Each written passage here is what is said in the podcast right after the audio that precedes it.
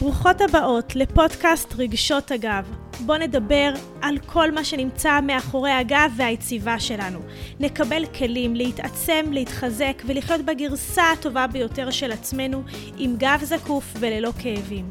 אני כאן, מיכל כהן, שמחה להזכיר לכן שאתן ראויות ליותר, שאלוקים רוצה שתרגישו בריאות, הצלחה, מלאות בשפע וברוגע. וברגע שיש לנו את כל הכלים לכך, אנחנו מאפשרות לעצמנו לשחרר כל כאב ולחיות בעוצמה כמו שתמיד חלמנו. מיד מתחילות. תודה שהייתם איתנו בעוד פרק מעצים בפודקאסט רגשות אגב. אני אשמח כל כך אם תשתפו את הפודקאסט לעוד חברות, כדי שעוד שפע יזרום בעולם ויחזור אליכם חזרה. ככל שנעשה טוב לסביבה שלנו, אז הטוב יחזור אלינו בכפליים. אז דרגו את הפודקאסט, שתפו, ואל תשכחו לספר לי איך היה. אני מזמינה אתכם לעוד מגוון תכנים וקורסים לשפר את איכות החיים. אנחנו כאן תמיד לייעץ לכם באהבה.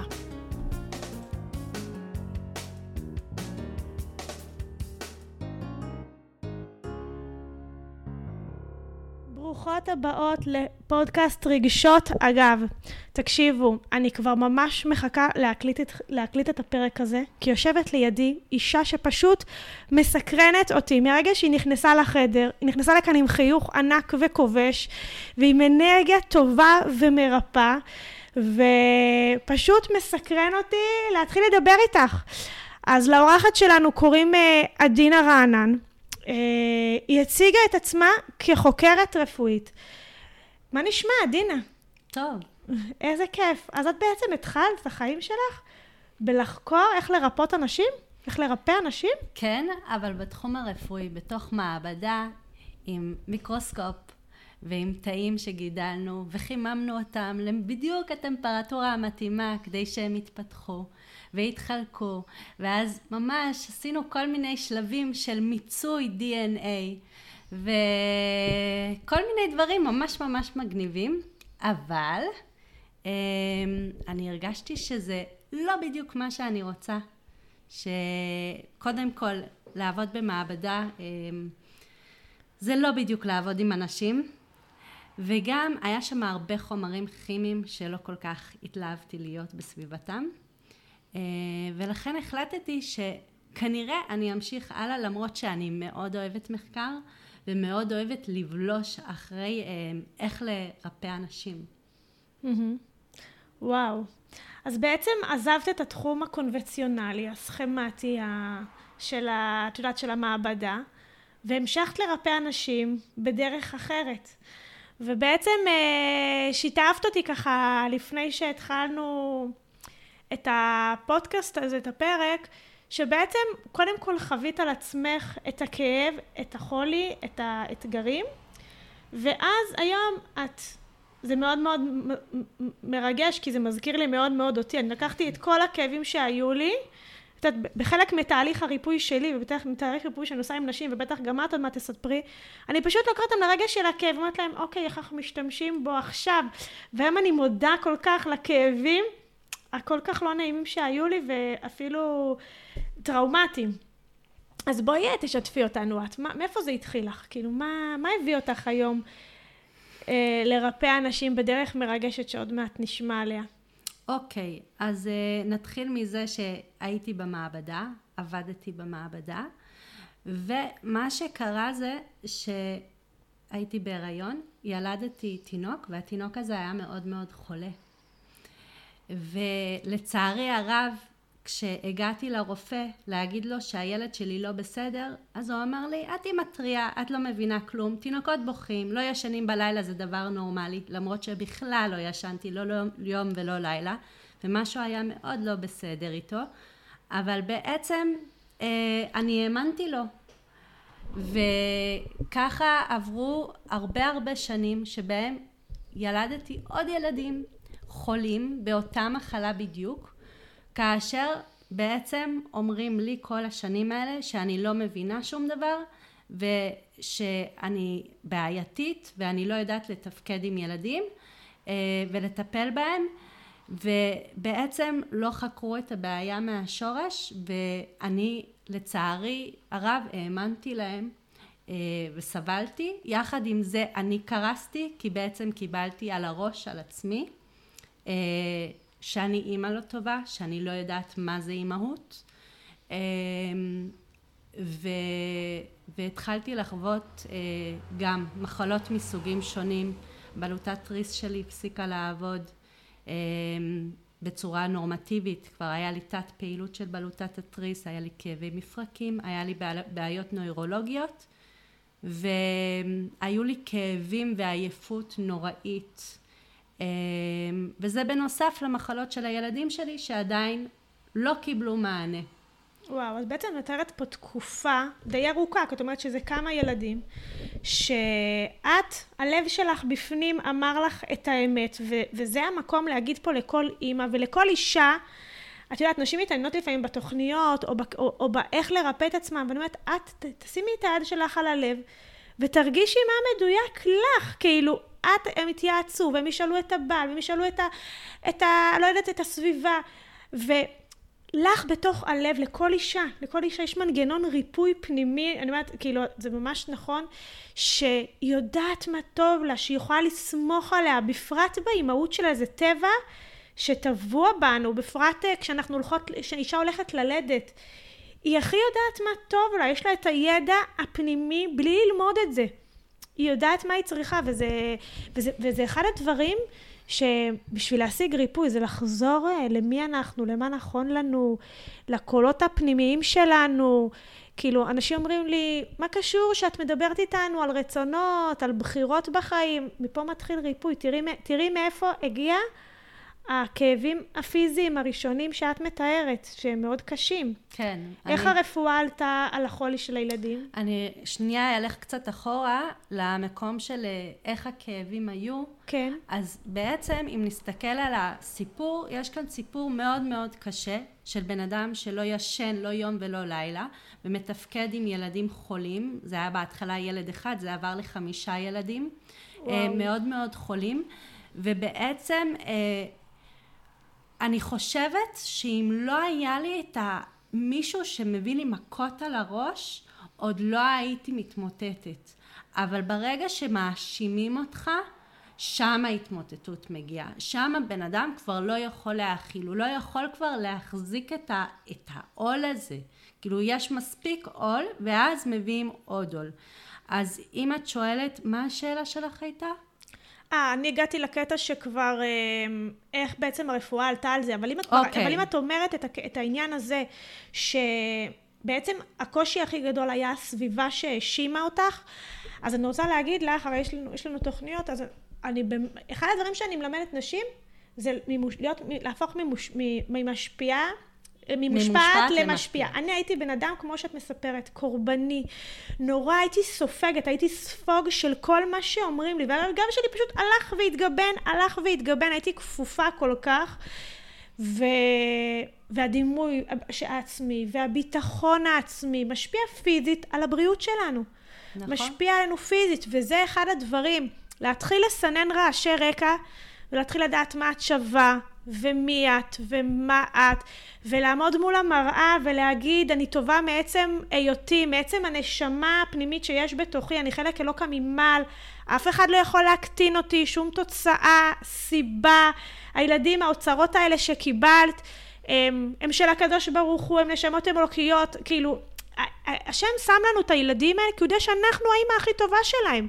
זאת אומרת, כל הערעור הזה שנקבל מהסביבה הוא כל כך מחליש, הוא גם לא מקדם את הבריאות של הילדים. הוא לא קידם שום דבר. בעצם לא ראו בכלל גם את הילד. הילד היה, הילד הראשון שלי, אחר כך היו עוד, נולדו מאוד מאוד חולים והיה להם תסמינים מאוד מובהקים. ובעצם בגלל שהרופא היה בקטע של להאשים, הוא פספס את כל הדברים החשובים. הוא כן עשה בדיקה של צליאק כי הוא ראה שדברים לא תקינים וזה יצא תקין ומשם לא המשיך בירור. אז בעצם הוא פספס המון דברים מתוך מקום שהיה לו אג'נדה. וואו. והאג'נדה הזו לא אפשרה לו לראות ספקטרום רחב יותר של מה באמת קורה כאן. ואני אגיד ש... הסיפור הזה, אני עברתי אותו והיה נורא נורא כואב, אבל מאז מה ש... אחד מהמתנות שקיבלתי מזה, זה לראות בן אדם גם אם הוא סובל, גם הוא נראה, לפעמים יש את ההורים האלה שצועקים על הילדים והם עצבנים והם מתנהגים בצורה לא, לא מתאימה. ברוך השם לא הייתי כזו כשהייתי גם במצבים הקשים, אבל אני רואה אותם ואני רואה מאחורה. מה קורה שם מאחורה? אנחנו לא יודעים מה הבן אדם הזה באמת עובר. ובן אדם שכואב לו, אי אפשר לשתוק ולשתוק ולשתוק ולשתוק, בסוף זה מתפוצץ איפשהו. זה יכול להיות על הבעל, זה יכול להיות על הילדים, וזה יכול להיות על עצמך. הגוף שלך צעק. וזה יכול להיות על אלוקים. אבל, נכון. זה, אבל זה צריך להיות איפשהו, אם זה על, על עצמך, הרבה פעמים זה. גם יהפוך למחלה, מה שקרה אצלי, אני צעקתי על עצמי. נכון. שאני לא בסדר. והגוף שלך עכשיו... צעק לך בחזרה, הוא פשוט נכון, צעק, כואב, נכון. עצוב. ממש, ו...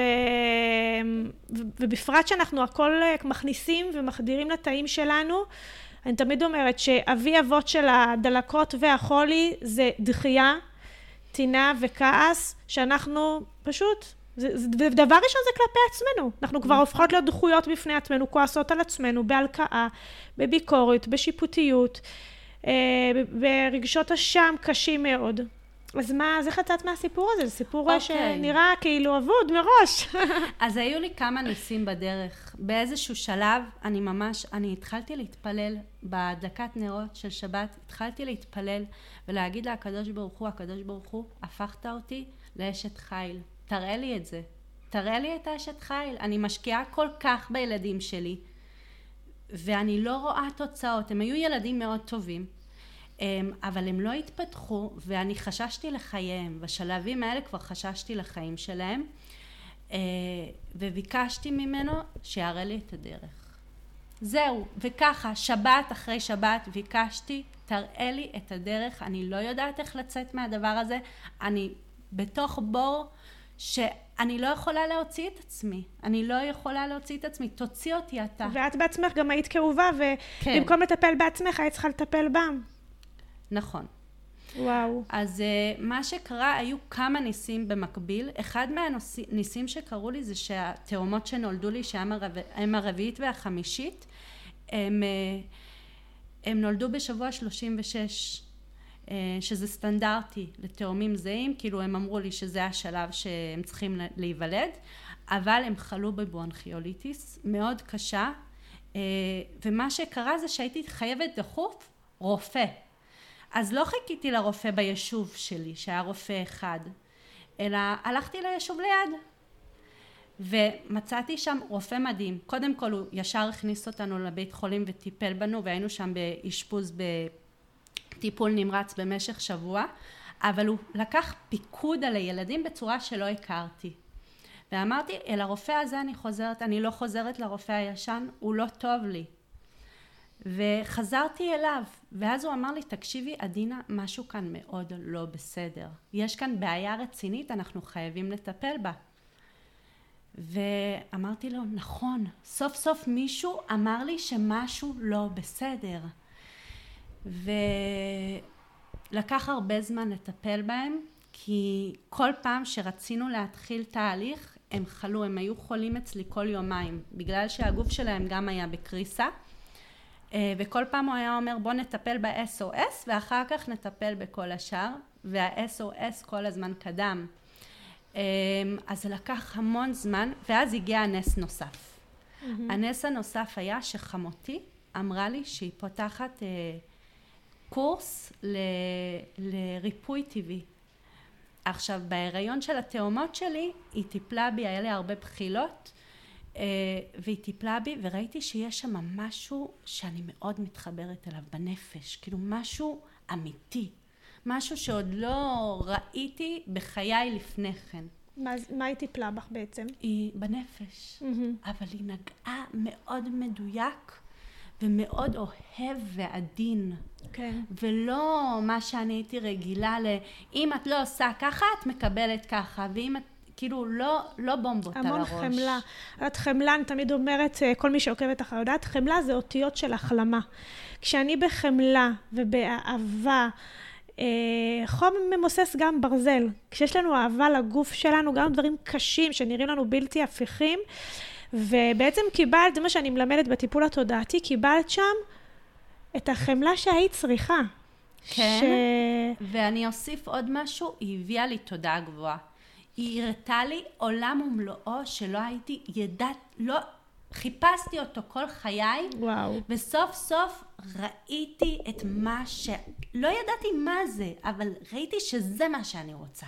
יכולתי להגיד זה, אבל לא ידעתי מה זה. אימא'לה, איך את מדברת בשפה שלי? איזה כיף.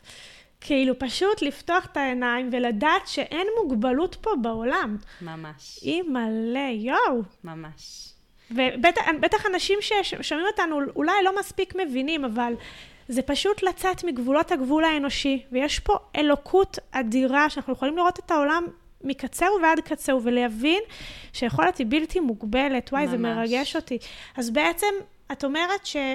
היא, את, את טעמת מזה בהיריון, הרגשת שם איזשהו ריפוי, איזה משהו מטוב קורה, בעצם פתחת לך פתח לניסים. נכון. נכון. שזה מה שהכי נשים אומרות לי, וואי, מאיפה פתאום נהיה לי ניסים? כי אני, כי כשהתודעה שלי פתוחה, אז אני, אני, אני, אני הופכת להיות כלי. אני חושבת ששם עדיין התודעה שלי לא הייתה פתוחה, mm-hmm. אבל ידעתי מה אני רוצה. וגם כשהתפללתי בנרות שבת, ביקשתי את זה. ביקשתי את הדבר הזה בלי לדעת מהו.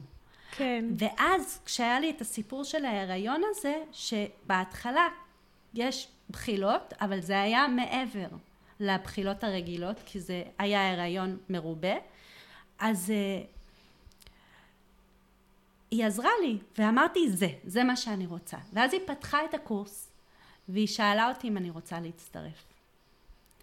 ואמרתי לה, אני מאוד רוצה להצטרף, ואני מצטרפת, ולא ידעתי איך, כי הייתי כזה שבר כלי פיזי, שלא ידעתי פיזית איך אני מגיעה לקורס, איך אני יושבת שם ואיך אני חוזרת, אני לא יכולתי לתפקד בכלל.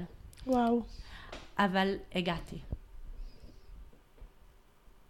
ואני אומרת שאת יודעת, יש לנו את הכוחות של הנפש. אבל הכוח שמעבר לכוחות הנפש, שנמצא בהילה שלנו, הוא נמצא מסביב לגוף שלנו, הוא לא בגוף שלנו, זה הרצון. הוא מעבר, זאת אומרת שאנחנו משתמשים ברצון, אנחנו משתמשים מעבר לכוחות שלנו.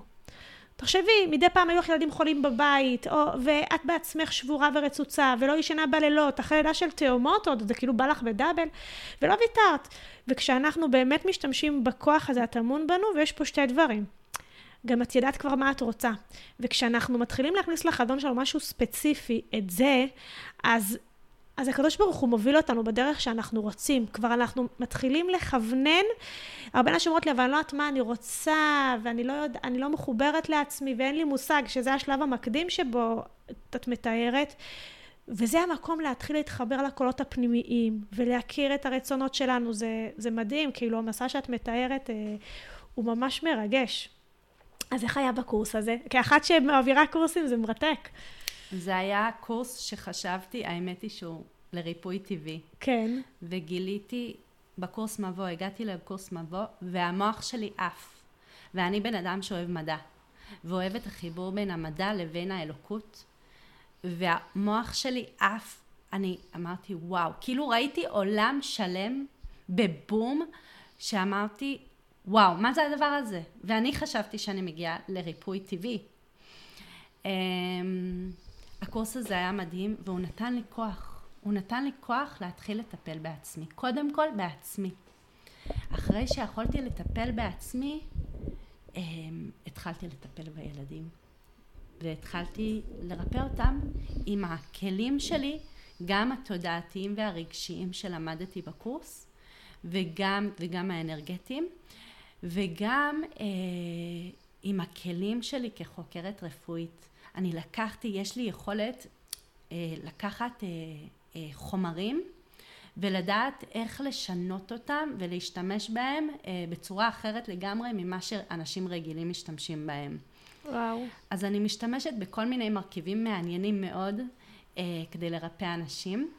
והתחלתי הכל באינטואיציה, אה, דרך הריפוי שלי ושל הילדים שלי. יש לי שאלה, כשאת כבר התחלת לרפא את עצמך, כן. ראית איזושהי הטבה אצל הילדים? בלי שטיפלת לא. בהם? עדיין לא. לא.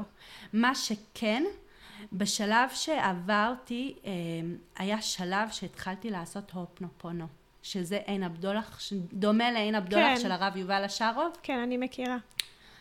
שמה הייתי, הם היו צורכים מכאבים בבית, ואני כבר לא יכולתי להכיל, והייתי מדי פעם הולכת לחדר לראות איזה סרטון מצחיק, ל- להירגע קצת ולצאת בחזרה. וואו.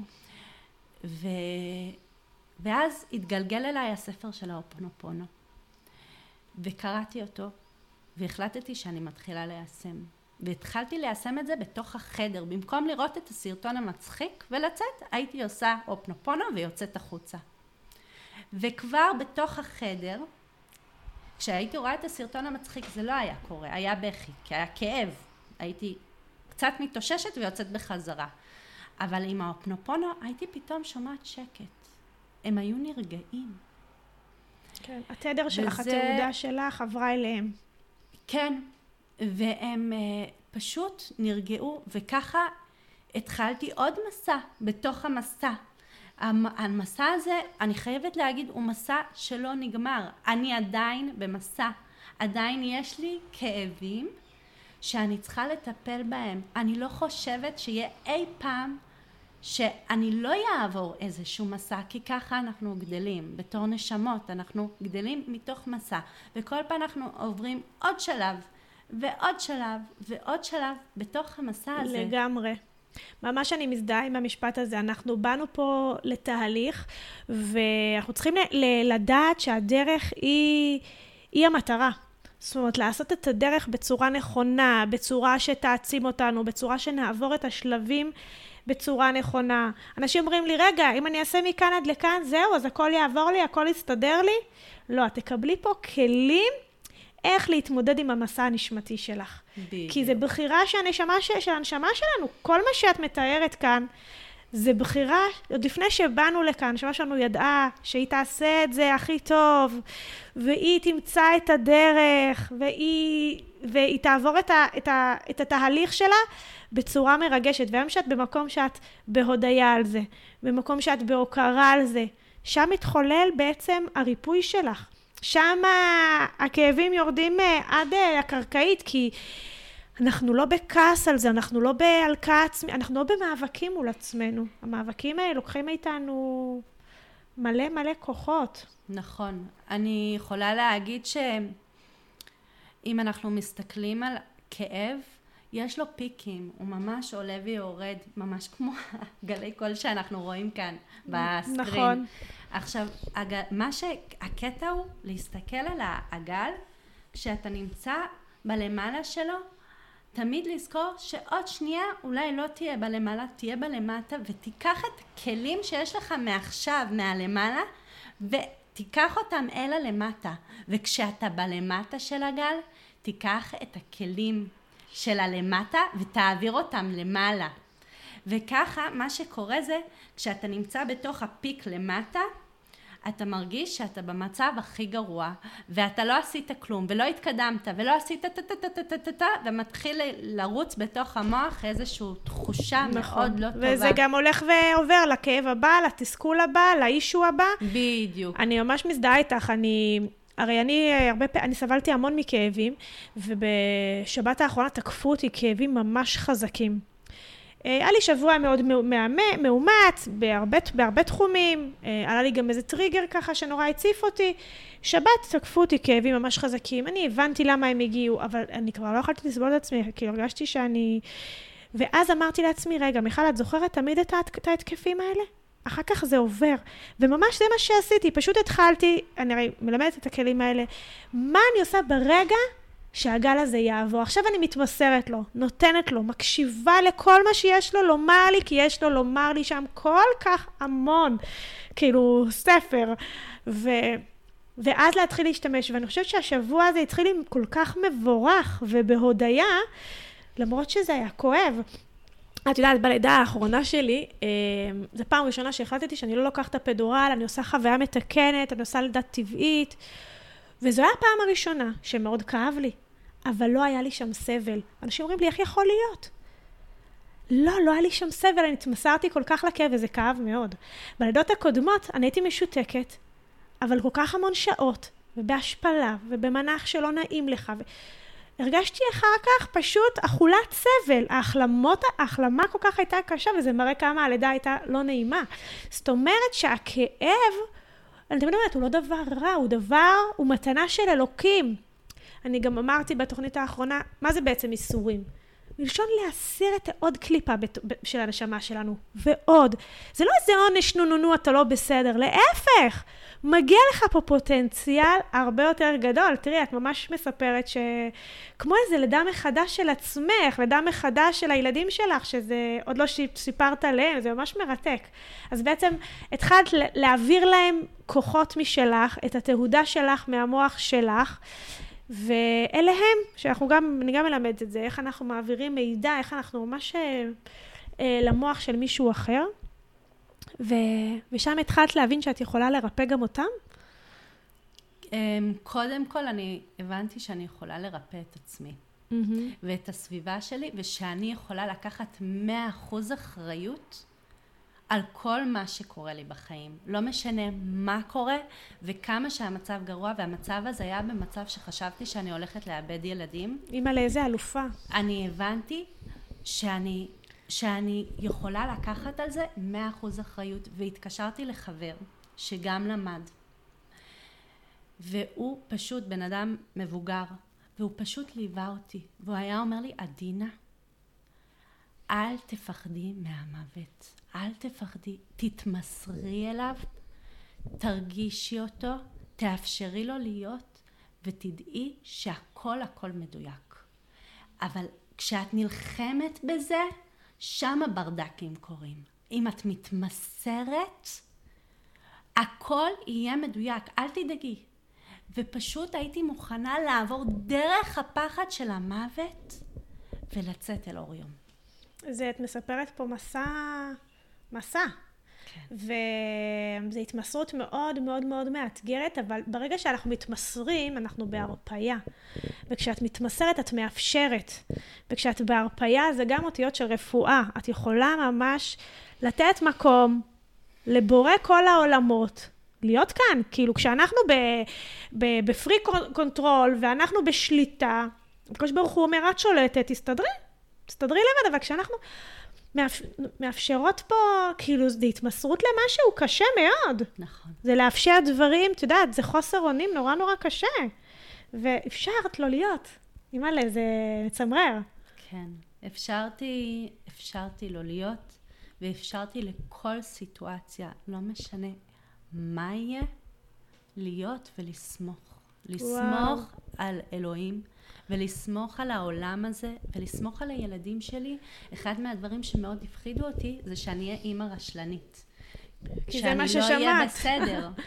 והייתי במקום שיכולתי לסמוך על זה שגם אם ילך לי ילד, אני אימא מעולה. ואני נותנת להם את כל מה שאני יכולה, ושזה לא באשמתי, ושהילד הזה, אם הוא יבחר לעזוב את העולם, הנשמה שלו בוחרת בדיוק מתי ואיך, ואני פשוט יכולה לסמוך על הנשמה הזו. אני לא צריכה לנסות לשמור אותה בכוח כאן. אני יכולה לתת לה לעשות את העבודה שלה, ואני אעשה את העבודה שלי בתור נשמה, ומה שיקרה יהיה בסדר. וואו, איזה עוצמות. כן. אז את מסקרנת אותנו, מה קרה? מה שקרה זה שזה נתן לי כוח להתחיל לחשוב. ולהתחיל לחפש פתרונות. והתחלתי לחקור את כל הנושא הזה של איך לרפא אותה. עדיין לא היה לנו הבחנה רפואית. היה לנו רופא מדהים, שממש אמר לי, הילדים האלה לא בסדר, והמצב לא טוב.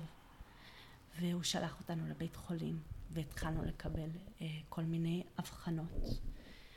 עדיין לא היו אבחנות פיזיות. היה הבחנה שהילדים לא בסדר. מעבר לזה עדיין לא היה כלום, אבל עצם ההבנה שזה לא אני, ואני יכולה לקחת כאן אחריות, ואני לא מפחדת מהמוות, אפשר לי לקחת פיקוד ולעשות שינויים גדולים. התחלתי עם שינוי תזונתי אה, מאוד גדול, זה לא היה פשוט, כי ילדים לא רוצים לעשות שינוי תזונתי.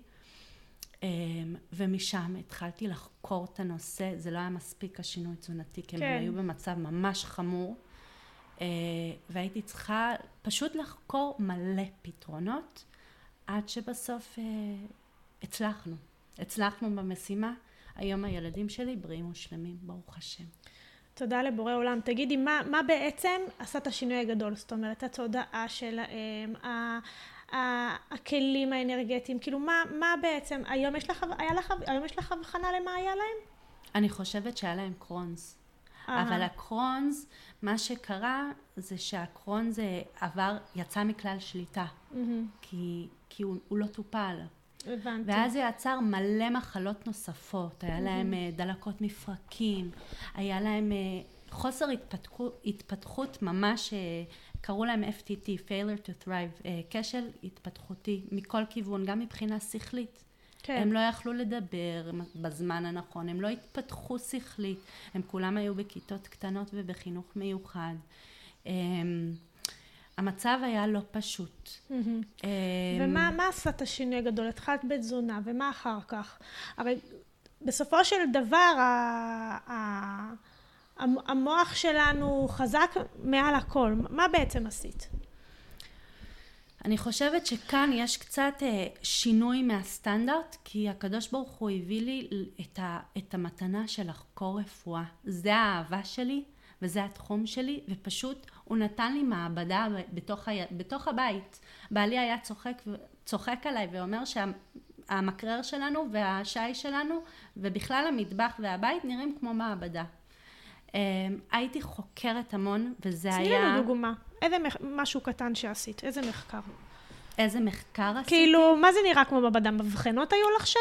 היו לי מלא ניסויים, מלא. כמו מה? תני לנו אחד. הכל היה עם דברים פשוטים, עם חומץ, עם לימון, עם סודה לשתייה, עם אדמה, עם מים, כאילו דברים באמת פשוטים, אבנים. אני עבדתי עם כל דבר שהוא, עכשיו יש לי בכיס דברים, את רוצה לראות מה אספתי? אני, אני ממש אוהבת לחקור. וואו. כאילו עכשיו יש לי בכיס אה, שרף של עץ. וואו. שאני אספתי, אה, גם זה קליפות של עץ וגם יש לי שרף של עץ. וואו. כאן הוא נמצא. ואני פשוט אוהבת לחקור, אני חוקרת מכף רגל ועד ראש, אני יכולה לקחת שערות ולעשות איתם אה, אה, משחקים ולבדוק מה קורה איתם. וואו. אני אוהבת לחקור אה, כל דבר שבא אל היד, ואני אוהבת דברים טבעיים בלבד, שאני יודעת שאין להם שום תופעות לוואי ושהם בריאים. אז בואי תספרי לי, מה הביא אותם לריפוי? אוקיי, אז אני חושבת שהמחקר היה אה, דבר אה, מאוד פורה, מאוד טוב, אבל אם אנחנו נכנסים לתחום של הרגש, וזה התחום שלך, אז אני אכנס אליו, אני חושבת שהריפוי לא מתחיל מהילד, הוא מתחיל מההורה. הוא מתחיל מזה שאני יודעת שאני אחראית מאה אחוז על מה שקורה בסביבה שלי. ואני יכולה להשפיע על ההשפעה על הסביבה שלי מעצם היותי במוח ובלב, במחשבות וברגשות. וזה הדבר שלדעתי הכי השפיע עליהם. אני כל כך מסכימה עם זה. כי, טוב, זה מה שאני גם מלמדת, אבל אני רואה את זה בחיים שלי. החיים של כל הסביבה שלי השתנו, אמנם לא בהיבט ה... הבריא, הבריאות הפיזית, אני חושבת בבריאות הרגשית והמנטלית, באנרגיה שהייתה אצלי בבית, במערכות היחסים שהיו סביבי כל כך מסובכות, שחשבתי שאין פתרון בכלל לשקם אותם. ו, וכמו שאת אומרת, זה להשתמש, אה, אני אומרת בקורס, בקורס, בקורסי ההכשרה, נשתמש בחוכמת הלב שלנו, הרי חוכמה זה במוח, אבל יש לנו חוכמת הלב, זה, את יודעת, זה השפה של המקובלים, שבאמת יש לנו את היכולת האינטואיטיבית הגבוהה ל- להעביר את המסר, לראות את הצורך, להיות שם uh, בדיוקים הקטנים האלה שלא נראים כלפי חוץ. Uh, נראה לי קשה להעביר את זה, uh, להסביר את זה דרך פודקאסט, אבל בהחלט... לא, בוא ניכנס לזה דווקא, לדעתי ניתן, זה חשוב.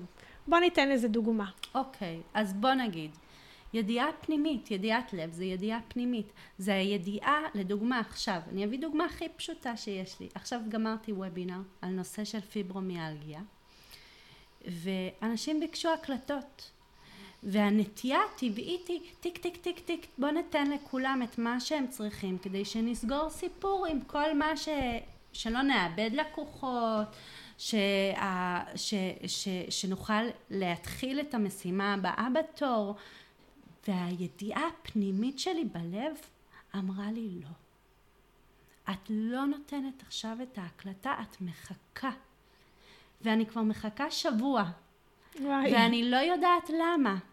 וזה לא פשוט, כי אני רוצה לתת את ההקלטה, אבל משהו בתוכי אומר לי, לא, חכי עוד בסבלנות. את תדעי מתי לתת את ההקלטה. להקשיב לקולות הפנימיים זה, ה... כמו שאמרנו בהתחלה, זה הריפוי הכי גדול. אני אפרופו נותנת את ההקלטה מיד, כי אני אפילו לא רוצה לקבל הודעה כזו, אבל זה נטיית הלב שלי, את מבינה? וזה כן. נורא נורא שונה.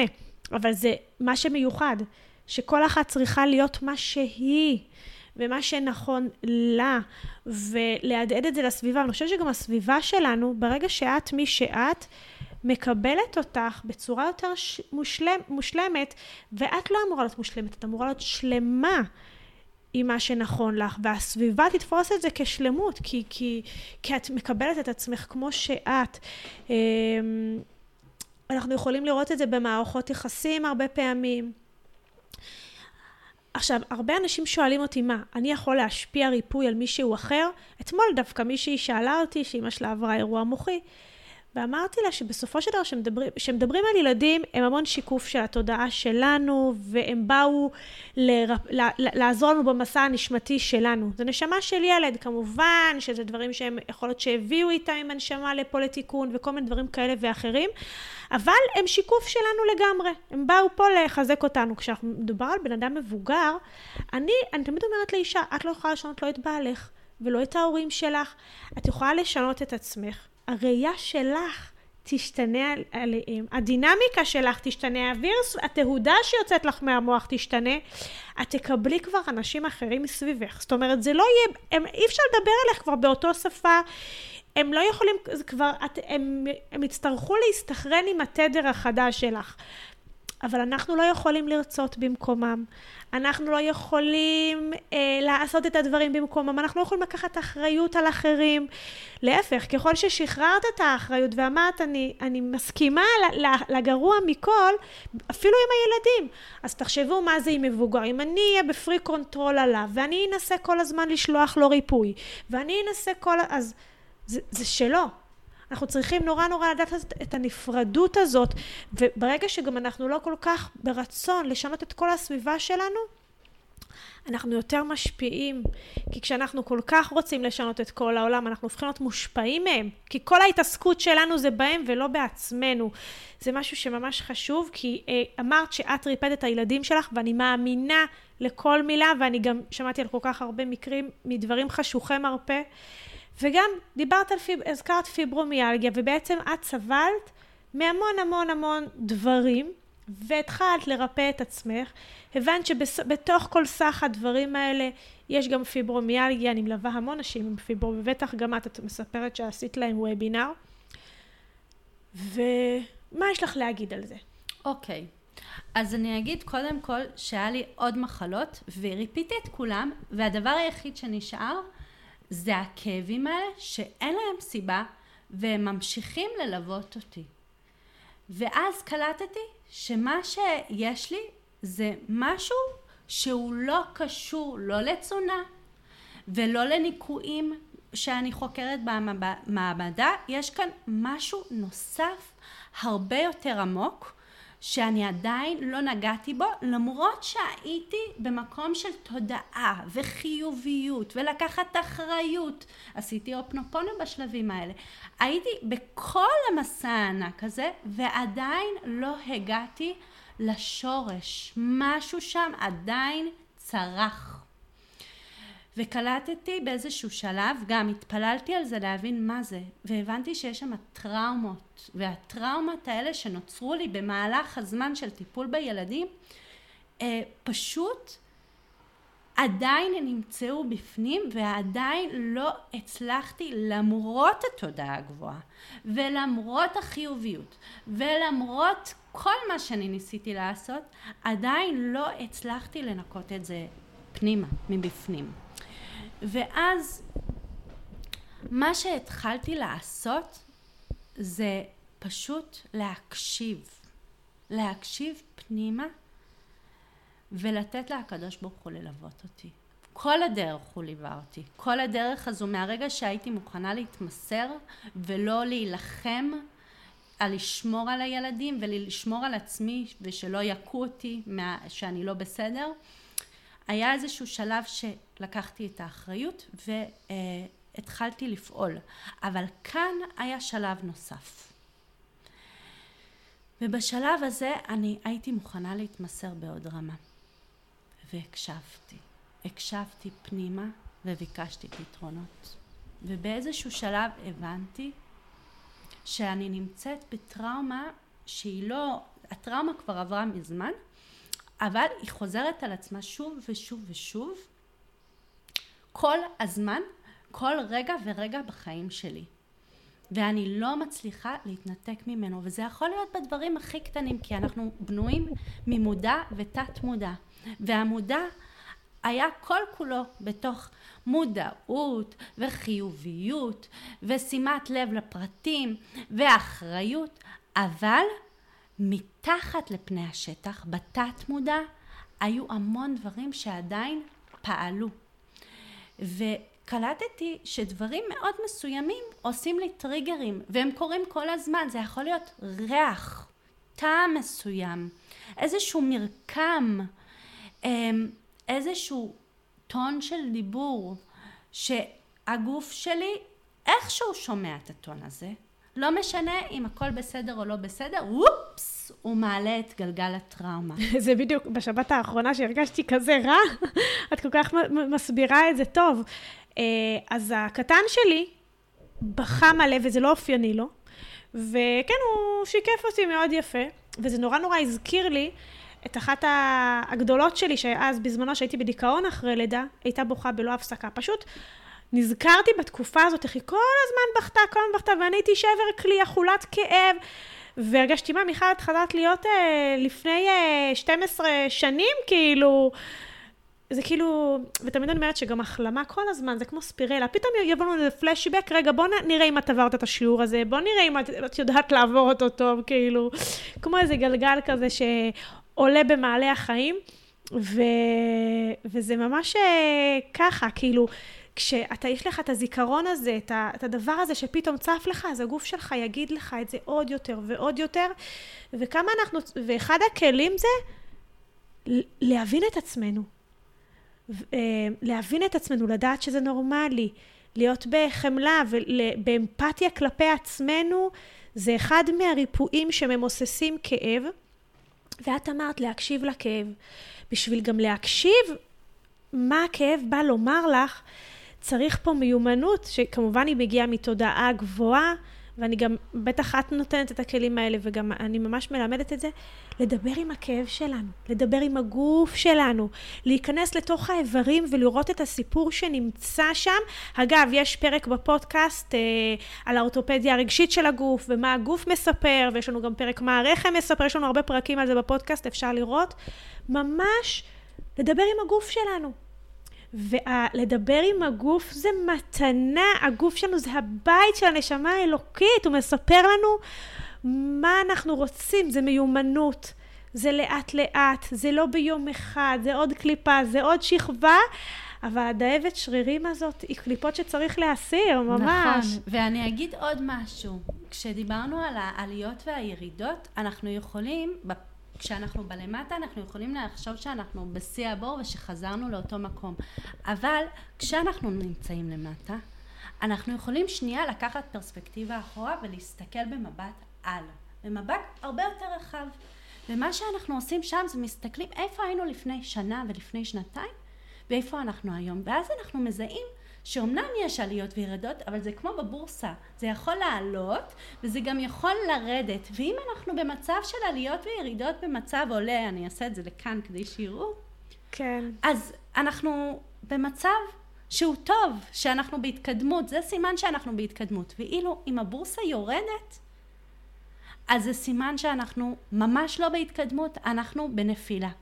אז אפשר ממש לאבחן תמיד זה יהיה מדרגות, השאלה לאיזה כיוון. האם הפיק למטה הוא מצב של נפילה וזה לא בסדר, או במצב של עלייה. וואו, ממש מדהים. אז בואי תספרי לנו ככה, לפני שאנחנו מסיימות, אנחנו ככה, כבר, פה, הפרק שלנו כזה ארוך, אבל כל מילה פה כזאת מרתקת ומשמעותית.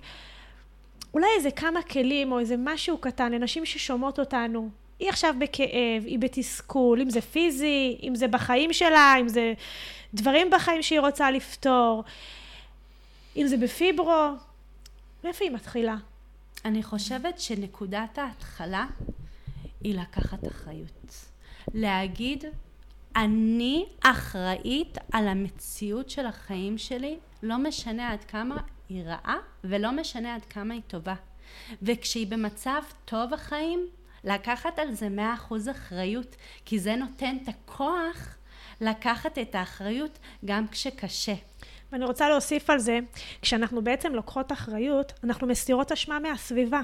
אנחנו מסירות אשמה על הקדוש ברוך הוא, ומסירות אשמה על הסביבה שמקטינה אותנו, ומסירות אשמה על התנאים הסביבתיים שלנו, ומסירות אשמה אפילו מהחשבון בנק שלנו. אנחנו משחררות מלא מלא כאב.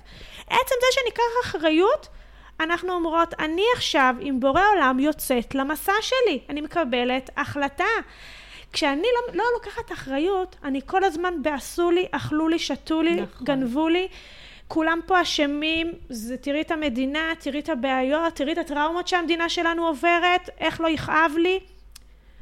וברגע ש... ואני רוצה גם להגיד, אנחנו ככה במצב אה, לאומי מאתגר, וברגע שגם ניקח את האחריות, כמו שאת אמרת, התחלת לקחת אחריות, שלחת לילדים שלך תעודה של אהבה, של סליחה, של ריפוי, אנחנו, כל אחד חלקיק שלם פה בעם, יכול לשלוח תהודה לכל קצוות העולם, לכל עם ישראל, לכל יהודי, בכל מקום שהוא בצרה ובשביה ובחולי ואני לא יודעת איפה, ו- וככה אנחנו יוצרים את הגאולה פה. אני אוסיף ה... לזה עוד משהו. אנחנו עם ישראל, אנחנו עם סגולה. אנחנו אמורים להיות אור לגויים. כשאנחנו לא לוקחים אחריות, אנחנו לא אור לגויים, אבל כשאנחנו פיקסלים בתוך עם שלם לוקח אחריות, וואו. אנחנו לא רק לוקחים אחריות על העם שלנו, אנחנו לוקחים אחריות על כל העולם. אנחנו אור לגויים.